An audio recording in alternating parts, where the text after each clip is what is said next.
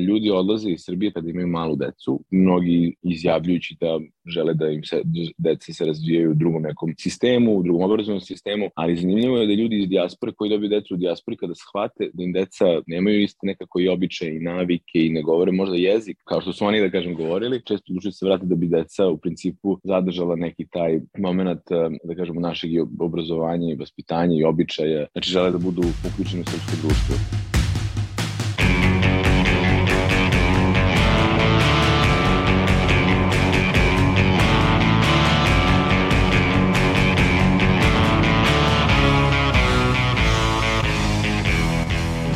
Zdravo, slušate podcast Reaguj, nezavisnog društva novinara Vojvodine. Moje ime je Iva Gajić, a na podcastu rade i Sanja Kosović, Irena Čučković, Nemanja Stevanović i Sanja Đurđević. Trenutno ste verovatno na putu do ili od posla ili fakulteta. Putujete, krećete se i migrirate sobstvenim nogama, automobilom ili javnim prevozom. Da li ste ikada kupili kartu u jednom pravcu? U ovoj epizodi govorit ćemo o migracijama mladih, Istraživali smo koji su to pravi razlozi, zašto mladi odlaze iz manjih mesta, šta im nedostaje u njihovom rodnom kraju i zbog čega bi se oni njemu vratili. Adriana Cindrić je pre skoro 10 godina napustila svoj rodni grad, Suboticu, kako bi se školovala u Budimpešti. Nakon srednje škole svoje visoko obrazovanje nastavila u Nemačkoj gde danas studira istoriju i anglistiku. Htela sam neke novine da unesem u svoj život, ipak nekako svi su odlučili da ostanu tu. Meni je tata radio ta, u to vreme u Budimpešti, jako mi se svidala grad i onda mi se svidala kao mogućnost da imam to i čim sam došla u Budimpeštu mnogo mi se svidalo, tako da sam ipak ostala. Iako su se mnogi odlučili da se vrate nazad u Srbiju, nije im se nešto dopalo. Kako Adriana kaže, Minhin joj pruža veće mogućnosti nego Subotica, barem po pitanju obrazovanja. Zbog toga se odlučila da tamo nastavi svoje studije, a ne da se vrati u Srbiju. Pa možda bezobrazno zvuči, ali možda te neke mogućnosti, jel te, sa diplomom i sve, što naravno, ako se ipak odlučim, jer naravno ne želim ja tu da ostanem do kraja života, vidjet ću gde me vodi ovaj život. A, zato sam u suštini upisala ovde fakultet da bi možda, ne znam, posle fakulteta mogla ići u neke druge evropske države, nisam se nikad vezala za Minhen toliko da bih ostala tu. Ne vidim svoju budućnost zapravo ovde. Adriana danas već pet godina živi u Nemačkoj. Mada joj Minhen pruža veće mogućnosti, po njenim rečima, tamo nema mnogo uživanja. Ima jako puno razlika. Minhen je mnogo turbulentniji od Subotice. To je svakako, u Subotici su dosta ljudi opušteni, tu se samo gleda da se radi i da radi se u suštini samo da bi imao tih svojih 20 dana godišnjeg odmora i svi rade za to i, i za penziju. Nema, nema tu mnogo uživanja kao kod nas. Upravo zbog toga Adriana svoju budućnost ipak vidi u svom rodnom gradu, Subotici. No nekako i sa roditeljima sam više puta pričala i oni su došli ovde da rade, da zarade za penziju i svakako žele svoje penzionerske dane da provedu u Subotici. Svi koji dolaze odatle imaju tu neku konekciju sa Suboticom da tamo je mnogo lepši život nego ovde i svakako i ja bih hvala da se vratim jednog dana, razmišljala sam možda otvorim ne, neki svoj biznis jel, da u Subotici, ali sad vidjet ćemo to. Međutim, Adriana se ne bi vratila u Suboticu bez adekvatnog plana. Kako ona kaže, Nemačka je dala mnoštvo ideja koje bi mogla da iskoristi u svom potencijalnom budućem poslovanju. Ne bi se vratila bez ikakvog plana da dođem ovde i sad da sedim i da se snalazim, nego bih voljela uh, unapred da planiram sa svojom diplomom da radim nešto ovde, da tražim već ovde kako da se vratim. Ali moj plan neki za budućnost, jer ovde sam dobila dosta ideja svidala mi se lingvistika i ta škola jezika koju sam prvo upoznala kada sam došla vamo. Svidala mi se taj, svidao mi se taj koncept i videla da to mi u Srbiji nemamo i nekako volila bih da otvorim možda svoju školu jezika u Srbiji koja bi radila sa raznim fakultetima za razmene studenta ili e, da daju uopšte više opcija za testiranje e, koje mi nemamo u Srbiji, jer u Srbiji se zna samo za taj neki GT a, ne znaju da postoji mnogo više prihvaćenih diploma i to, to bih hvala da upoznam nekako a, Suboticu s tim. Odlazak mladih iz jednog u drugo mesto postojalo je uvek, ali iz različitih razloga. Imućne porodice jesu slale svoju decu inostranstvo na školovanje, a oni koji su najviše migrirali bile su devojke prilikom udaje. Nakon drugog svetskog rata stvari se značajnije menjaju i mladi ljudi se zbog posla masovnije sele u veća mesta. Ovaj trend traje i danas. 80-ih opada broj nepismenih, mladi kreću više da se obrazuju da bi 90-ih kupili kartu u jednom pravcu. 90. prolaze, trend odlaska mozgova ne jenjava, ali se motivacija menja. Silvio Bolčić u naučnom delu Izmenjena sfera rada procenjuje da je od 1990. do 1994. godine iz Jugoslavije otišlo 30.000 visoko obrazovanih mladih ljudi, odnosno da 220.000 mladih ukupno. Njihov motiv bio je beg od rata, siromaštva i haosa. Motiv novih generacija je usavršavanje, obrazovno, stručno, ali i ekonomsko. Sanja, ti imaš još jedan ovakav primer Tako je Sanja. Sofija Ninković studira ekonomiju i politikologiju u Velikoj Britaniji. Ona se iz svog rodnog grada, takođe Subotice, preselila sa 17 godina, upravo kako bi nastavila svoje školovanje tamo, poput Adriane. Kako ona kaže, uvek je znala da ne želi da provede ostatak svog života u Subotici, pa čak ni u Srbiji. Stvar je bilo samo pitanje vremena kada će se preseliti. Suboticu ne posećujem često iz razloga što više nemam tamo ni prijatelje ni porodicu osim, osim oca. Tako da moj ceo život je trenutno u Manchesteru, ništa nemam što me vezuje za Suboticu iz, iz tog razloga posećujem čisto jednom godišnje možda dva put ponekad ređe jer ništa me više ne vezuje za to mesto. Kako Sofija kaže, najveći razlozi za njen odlazak su ekonomski, ali i društveni. Ekonomski razlozi mogu naći bolji posao, ima više prilika za moju struku, okruženje je drugačije, ljudi su mnogo liberalni, imaju različite stavove, um, nekako je di diskusije o, soci o socijalnim problemima su više dinamične nego što su u Subotici, to mi, to mi prija. Tako da taj neki, ta neka kombinacija ekonomskih i socijalnih razloga naj, najbolje opisuje zapravo zašto sam se ja preselila i zašto e, sam odlučila se baš za Veliku Britaniju i u stvari Manchester od svih ostalih mesta koji su bili na raspolaganju u momentu kada sam se selila. Sofija kaže da joj ponekad nedostaje rodni grad, ali ne toliko često, jer sve što ima ovde ima i u Manchesteru. Ponekad mi nedostaje Subotica, mada ne često, i ako mi nedostaje, nedostaje mi iz nekih nostalgičnih razloga, tipa kada se setim kako sam nekad išla s tatom na sankanje na zimu ili kako me mama vozila na balet ili neki događaj sa društvom ići na, na burek u neke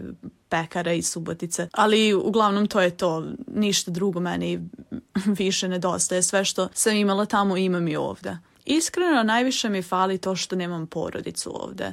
Kada bi recimo se moji roditelji preselili ovde, mislim da mi ništa ne bi falilo. Ali jedino što mi fali jeste ta taj komfor kada se vratim kući pa tata skuva ručak i napravi večeru i oni imaju i lep tuš i imaju mekane peškire. Mislim to zvuče kao banalne stvari, ali eto to, to mi jedino fali. Subotica kao grad i okruženje i socijalna ta neka sredina, to mi ništa ne fali. Sve što imam tamo kao što sam rekla imam i ovde. Regionalna razlika u motivima mladih da menjaju mesta stanovanja je velika. Dok mladi centralne i južne Srbije stanove traže u Beogradu, iz Vojvodine najčešće najčešće oglase pretražuju u Novom Sadu. I dok mladi iz centra i sa severa kao motiv odlaska navode i nebezbednost, za one sa juga ovo nije faktor. U studiju o spoljnim i unutrašnjim migracijama Srbije sa posebnim osvrtom na mlade, ovaj podatak tumače tako da je kriza na tržištu rada tolika na jugu da su svi ostali problemi mizerni u odnosu na ovaj. Ono što ujedinjuje mlade jeste spremnost da se presele zbog posla. Međutim, na jugu i severu bi se selili i zbog kvaliteta života. Zbog braka bi se selili samo u Užicu, navodi ovo istraživanje. Studentkinja žurnalistike Nevena Bjeljac uradila je anketu među kolegama i koleginicama i postavila pitanje da li planiraju da se vrate u svoje rodno mesto nakon studija.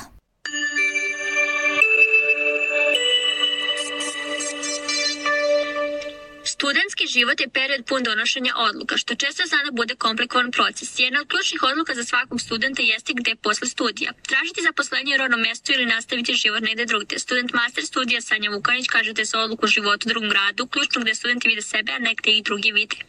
Osam godina sam ja napustila svoje rodno mesto i od onda sam promenila dva, dve lokacije stanovanja. E, Novi Sad, Beograd, gde trenutno živim, ali isto tako planiram da se kroz neku godinu ponovo premestim, gde bi se možda kružila više nekom prirodom i radili ono što je u skladu sa mnom.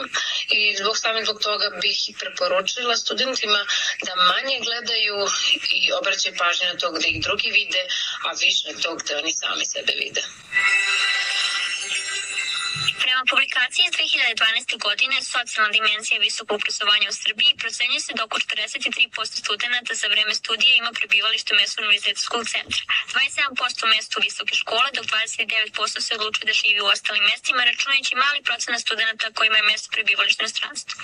Koliko odluka samom prebivalištu toku studija utiče na ostanak u rodnom mestu, reći će nam više studentkinja Nikolina Drobac. Kada sam počela da studiram, prvo sam imala želju da ostanem u mestu odakle sam, ali sam se u studiranja predomislila zato što sam shvatila da imam više prilika u Novom Sadu, kako za upoznavanje više ljudi, tako i za poslovne prilike. Po njenim rečima, upravo više poslovnih prilika u gradovima u odnosu na manje mjesta, kao i već stvorene konekcije toku studija, su faktori koji odlučuju da li nastaviti živjeti u svom radnom mestu. Sa obzirom na način života i sveopštu prisutnost potrebe mladih za životom u većim gradovima, studenti se uglavnom opredeljuju za ostanak u mestu studiranja čak i posle studija. Uticaj društva veće šanse za poslenje i raznolikost mogućnosti izbora, sve su tu uticajni faktori zbog koji većina ostaje u mestima koja su bolje naseljena. Novinarka Jelena Božić se u veći grad preselila zbog obrazovanja, ali je tu i ostala. A, odlučila sam da se preselim u drugi grad, odnosno u veći grad, pošto dolazim iz manjeg mesta, odnosno sela a, zato što nakon završenja srednje škole a, nisam imala fakultet koji sam želela nigde blizu u okolini, odnosno da bih upisala ono što sam želela, morala sam da se preselim u neki veći grad. I u mom slučaju bio je izbor Beograd, Niš ili Novi Sad. U tom trenutku fakultet koji sam ja htela da upišem imao je samo u ta tri grada. Dakle, moj odlazak uh, je bio zbog toga što u mestu, u selu odakle sam ja, nije postojalo uh, ono što sam ja želela da studiram i čime da se bavim, a ni u okolini, a da mogu da putujem, da odnosno da i dalje živim u svojoj kući, već sam prosto morala da se preselim. Jelena kaže i da je u njenom slučaju promena mesta boravka pozitivno uticala na nju. Kada pričamo o obrazovanju, o nekom intelektualnom i ne znam nija kulturnom, društvenom, socijalnom i tako tim tom napretku definitivno je krenulo nekom uzlaznom linijom s obzirom da sam a, tek kada sam upisala fakultet počela da se bavim i učim onome što me stvarno zanima, čime se na kraju krajeva i dan danas bavim. A, ne mogu da kažem da mi je loše bilo u osnovnoj, srednjoj tokom odrastanja. Imala sam divno odrastanje, ali nekako neki vidici koji su potrebni individui, kao što je upoznavanje sa različitostima, kao što je upoznavanje sa drugačijim ljudima, sa drugačijim običajima, drugačijom tradicijom, sa nekim drugim stvarima koje nemaju veze sa formalnim obrazovanjem, već imaju veze sa svim onim što je neformalno obrazovanje, što je istraživanje, što je život, što su različitosti kultura, mi se desilo onog trenutka kada sam se preselila u novi grad, u gradu u, u kome nisam do tada živela i čak i moja razmišljanja i vrednosti su nekako se najviše, slobodno mogu reći, orijentisala tokom fakulteta i tokom života u gradu u kojem sam sad, to je Novi Sad. Apsolutno sam drugačija ličnost od one ličnosti koja je došla iz malog mesta. Božić kaže da se upravo zbog šanse za lični i profesionalni razvoj koje ima u većem gradu ne bi vratila u svoje rodno mesto. Često razmišljam o tome da li bih zapravo mogla da se vratim u manje mesto da budem iskrena, um, volela bih to samo iz jednog razloga, a to je zbog moje porodice, jer su daleko od mene, redko se viđamo, ali ne bih imala ništa protiv i da zapravo dovede moje u Novi Sad. Što se tiče okoline, mentaliteta, načina života, apsolutno se ne bih vratila. A ne bih se vratila ni zbog prilika koje apsolutno ne postoje, prilika koje, kojih zapravo nema, i generalno zbog toga što je standard života ukoliko smatramo da je loš u Srbiji, onda je u manjim mestima i na selima tri puta gori sigurno. Tako da kad skupim sve onako na vagu, nekako dođem do toga da se ne bih definitivno vratila u manje mesto, ali bih volala da neke ljude i eto neke osjećaje, predele i tako to prebacim u grad. U alternativnom izveštaju o položaju mladih za ovu godinu krovne organizacije mladih Srbije navodi se da mladi čine petinu nezaposlenih na tržištu rada, pa je jasno da se karta u jednom pravcu kupuje trbuhom za kruhom. Nezaposlenost se naravno razlikuje i po regionima, tako da trećina nezaposlenih od ukupnog broja na Kosovo i Metohije čine mladi, dok u Beogradu i Vojvodini oni čine 17, odnosno 19 odsto. U odnosu na prethodnu godinu bez radne knjižice mlađih od 30 godina ima više za 10%, a tranzicija od indeksa do ove knjižice traje oko dve godine. Polovina mladih planira da se iseli iz zemlje. 40% je reklo da ne planira, ali ne želi da otpiše i tu mogućnost, dok samo 11% kaže da ne želi da ode. Razlozi za odlazak su dostojanstven život, zatim viši životni standard, bolje javne usluge, veće šanse za zaposlenje, više slobode i bolje okruženje za osnivanje porodice. Svakako, odlazak od kuće i porodice porodice nije lak. Međutim, još je teže naći dovoljno dobar razlog za povratak. Rešenje ipak postoji.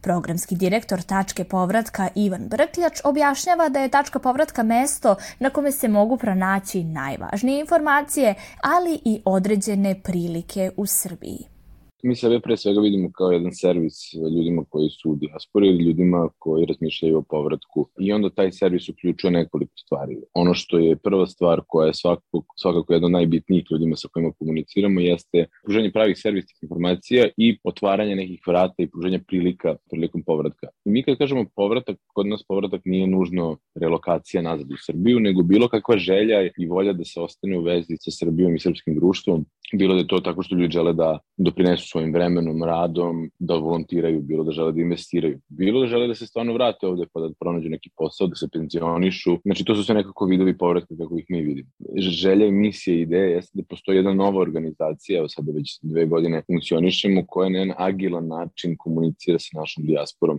Tu je na, na svim nekim platformama koje su danas njima dostupne, trudi se da bude ne samo reaktivna, već i proaktivna, Kako Brkljač objašnjava, tačka povratka pomaže ljudima iz dijaspore da pronađu posao u Srbiji, a to dokazuje i 2020. godina kada je 60 ljudi uz pomoć tačke povratka upravo došlo do posla.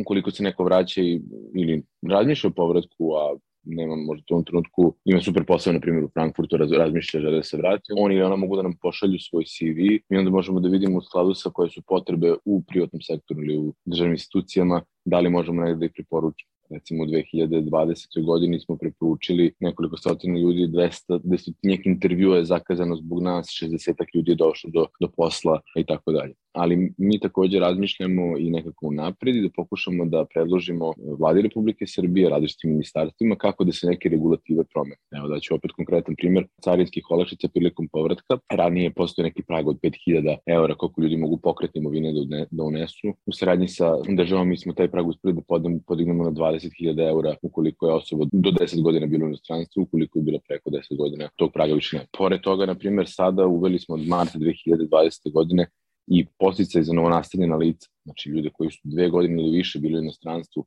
a dobiju od poslodavca tri puta veću prosječnu platu, taj poslodavac ima oslobođen plaćanja poreza i doprinosa u iznosu od 70%, što čini naše ljudi iz dijaspore i potencijalne povratnike konkurentne na tržištu rada kad govorimo o mladima, to je još interesantnije zato što ukoliko se neko vrati, na primjer, sa master studija nakon godinu dana, a poslodavac mu da dva puta veću prosječnu platu, taj poslodavac ima opet tih 70% umanjeni porezu doprinosa i tu narednih 5 godina. No, ono što je takođe bitno se naznači da taj posticaj nije vezan za poslodavca, nego za osobu koja se vraća, recimo, kod posle dve godine promeni poslodavca, taj posticaj ostaje kod nje ili njega. Tako da, da to su sve neke stvari koje nekako i sistemski na neki način, a sa druge strane individualno rešavamo od određene, određene probleme. Ono što je interesantno jeste da se preko 9000 ljudi vratilo u Srbiju u toku godinu dana, od oktobra 2020. do oktobra 2021. godine, kaže Brkljač.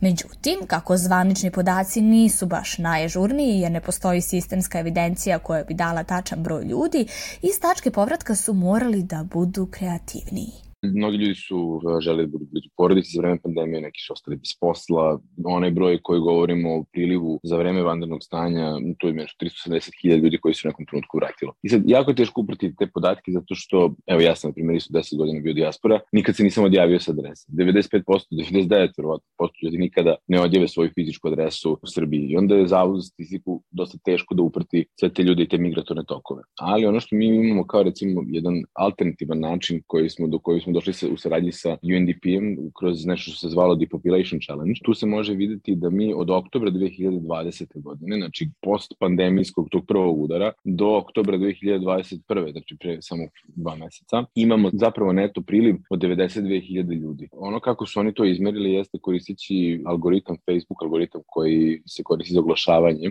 gde u principu vi možete tim targetiranjem da, pre, da vidite gde su bili migratorni tokovi, tačnije ko se sa koje IP adrese ulogovao u poslednjih šest nedelja i tako dalje, koristići jednu dosta zanimljivu metodologiju. Oni su pratili svake tri meseca, radili presek stanja i mi jasno vidimo koliko u stvari ljudi u ovom trenutku koji su dugo živeli u Srbiji su srpskog porekla, su trenutno van granica i taj broj fluktuira. Ono što vidimo sada jeste da a, mi imamo neto priliv praktično od oktobra do oktobra od 92.300 procenta. Ali zanimalo nas je i šta sve mogu biti razlozi za povratak u matičnu državu.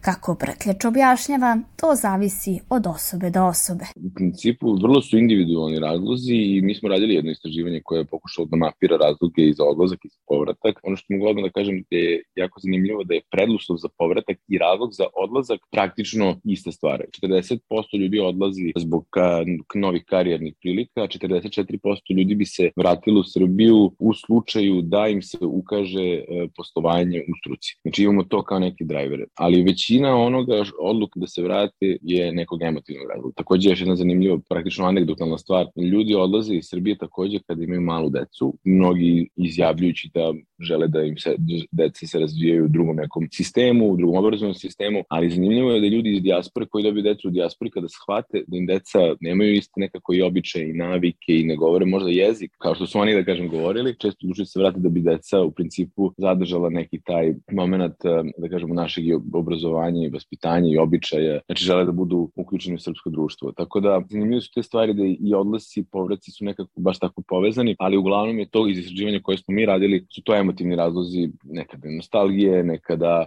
roditelji su im se razbolili pa se zato vraćaju, jednostavno želje da budu blizu porodice, prijatelja, Iako često možemo čuti da se godišnje izgubi jedan manji grad zbog odliva mozgova, Brkljač objašnjava da to ipak nije slučaj te brojke koje cirkulišu u medijima da svake godine gubimo grad veličine, pa ne znam, Paraće na 35.000 ljudi, to zapravo i nije ovaj, tačno zato što mi imamo veći problem sa natalitetom nego što imamo problem sa odlascima. Bečki institut za ekonomski razvoj, na primjer, je radio jednu vrlo detaljnu analizu praktično migracije na, na Zapadnom Balkanu i njihove procene su nekako verodostojnije zato što one prate izdavanje radnih dozvola u Europskoj uniji i prave neke procene za neregistrovane ljude sa Balkana koji se nalaze u Europskoj uniji. Ono što mi znamo svakako da 80% celokupne naše emigracije ide u Evropsku uniju, a ostatak ide, da kažemo, svuda ostalo po svetu. I tu se jasno vidi da mi otprilike od 2015. do 2019. godine godišnje gubimo oko 9000 ljudi emigracijom, s tim što je to uglavnom srednje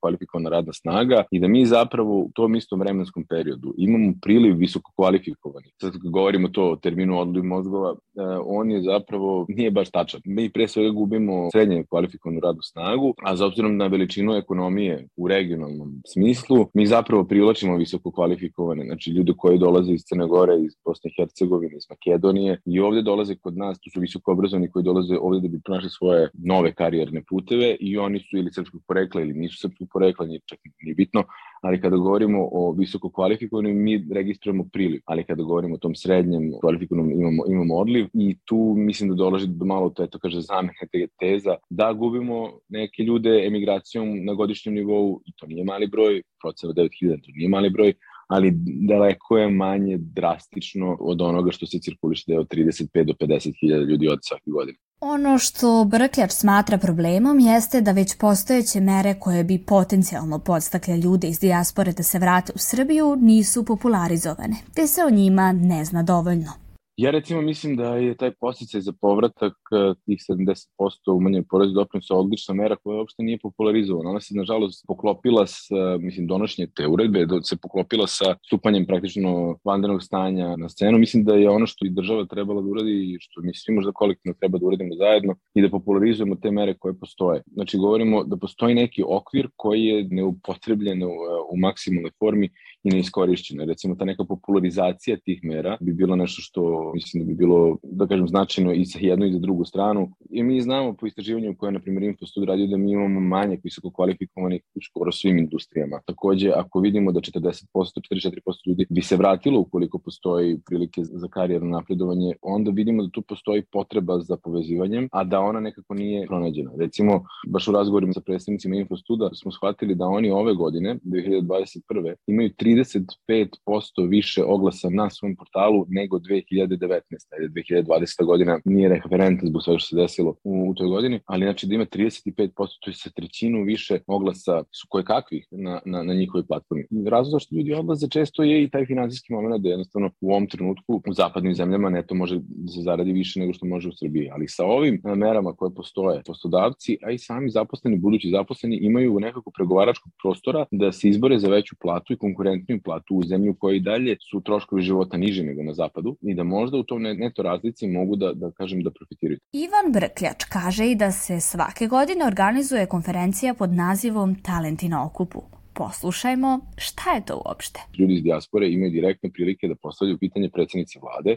Ta konferencija se ove godine održava 27. decembra i onda ta neka vrsta dijaloga može da rezultira novim merama, novom nekom saradnjom, novim posticajima. Evo, baš pre dve godine na toj konferenciji jedan od učesnika je postavio pitanje predsednici vlade kako bi bilo dobro da se napravi poseban program za naše ljude druge, treće, četvrte generacije koji možda nemaju naše dokumenta, koji su u očima države stranci. I evo ono što mogu kažem da mi, mi aktivno radimo na tome. Znači, upravo predlog je došao iz dijaspore, saslušan od strane i predsjednici vlade i njenog kabineta, i, i nakon toga je pokrenuti postupak da se napravi jedan poseban program baš za te ljude, aktivni dijalog, to samo može da, da doprinese daljem nekog boljitku odnosa između dijaspore i matice. Od 2020. nakon izbora i formiranja nove vlade u Srbiji postoje dva ministarstva koja bi usko vezano trebalo da rade na ostanku mladih u Srbiji, a naročito na selu.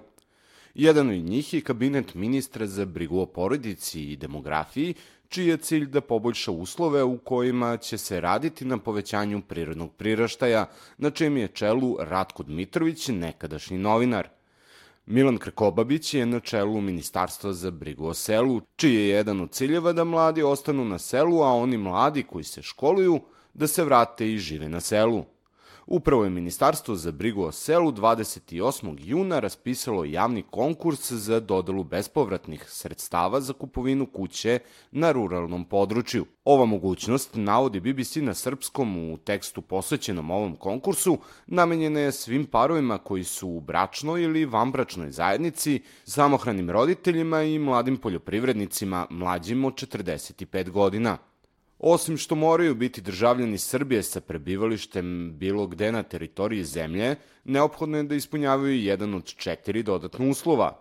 Iznamljuju stambeni prostor na selu ili u gradu, imaju diplomu iz oblasti medicine, farmacije, poljoprivrede, veterine, odnosno da su prosvetni radnici ili zanatlije, ili se bave poslom koji mogu da rade i od kuće na selu. Budući vlasnici, navodi se u ovom tekstu, ne smeju da posjeduju imovinu u Srbiji, osim u slučaju poljoprivrednog zemljišta, niti da su tako zemljište otuđili ili poklonili u prethodnih pet godina, kao ni da su u krvnom ili tazbinskom srodstvu sa vlasnikom kuće koju žele da kupe. U momentu podnošenja prijave ne smiju biti u postupku odobravanja bilo kakvih sredstava za kupovinu nepokretnosti, niti je dozvoljeno da imaju neizmirene obaveze po osnovu poreza i doprinosa. U slučaju da se parovi prijavljuju na konkurs, oba partnera moraju da ispunjavaju ove uslove. Međutim, ovaj sličan program najavljivan je 2017. godine, a prema podacima od 4700 sela, 1200 ostalo je pusto, dok u 150.000 kuća niko ne živi. Međutim, nekima nisu potrebni podsticaj za život u manjem mestu ili gradu. Uvidom u procenu stanovništva Republičkog zavoda za statistiku u oblastima ispod Mačve i okolini oko Loznice gde se radi na otvaranju rudnika litijuma, čemu se mnogi stanovnici ovih mesta, ali i Srbije protive, prosečna starost je oko 40 godina ili ispod. Još jedan od redkih primjera je i selo Lug na obroncima Fruške gore u Vojvođanskoj opštini Beočin. Ono važi za jedno od najmlađih sela koje, kako piše danas, 2014. godine imalo prosečnu starost 36 godina na 800 stanovnika. Iste godine Radio Televizija Srbije objavila je priču o selu Bela Reka u Zlatiborskom okrugu, koje na 280 stanovnika ima 36 dece i još beba na putu. Ovim završavamo 81. epizodu u kojoj smo govorili o migracijama mladih u veće gradove i inostranstvo. Pokušali smo da nađemo odgovore na pitanja zašto oni odlaze i šta bi ih navelo da se vrate, ali i kako je pandemija uticala na njihove migracije. Pišite nam svoje iskustva i mišljenja i to u Facebook grupi Podcast Reaguj, a dostupni smo i na mailu podcast.ndnv.org. Slušamo se ponovo uskoro, a do tada ne zaboravite da čekamo na vas, vaše komentare i predloge tema koje možete slati na Twitteru i Instagramu gde se nalazimo pod imenom NDNV Media Hub ili na TikToku gde smo pod imenom Reaguj Podcast.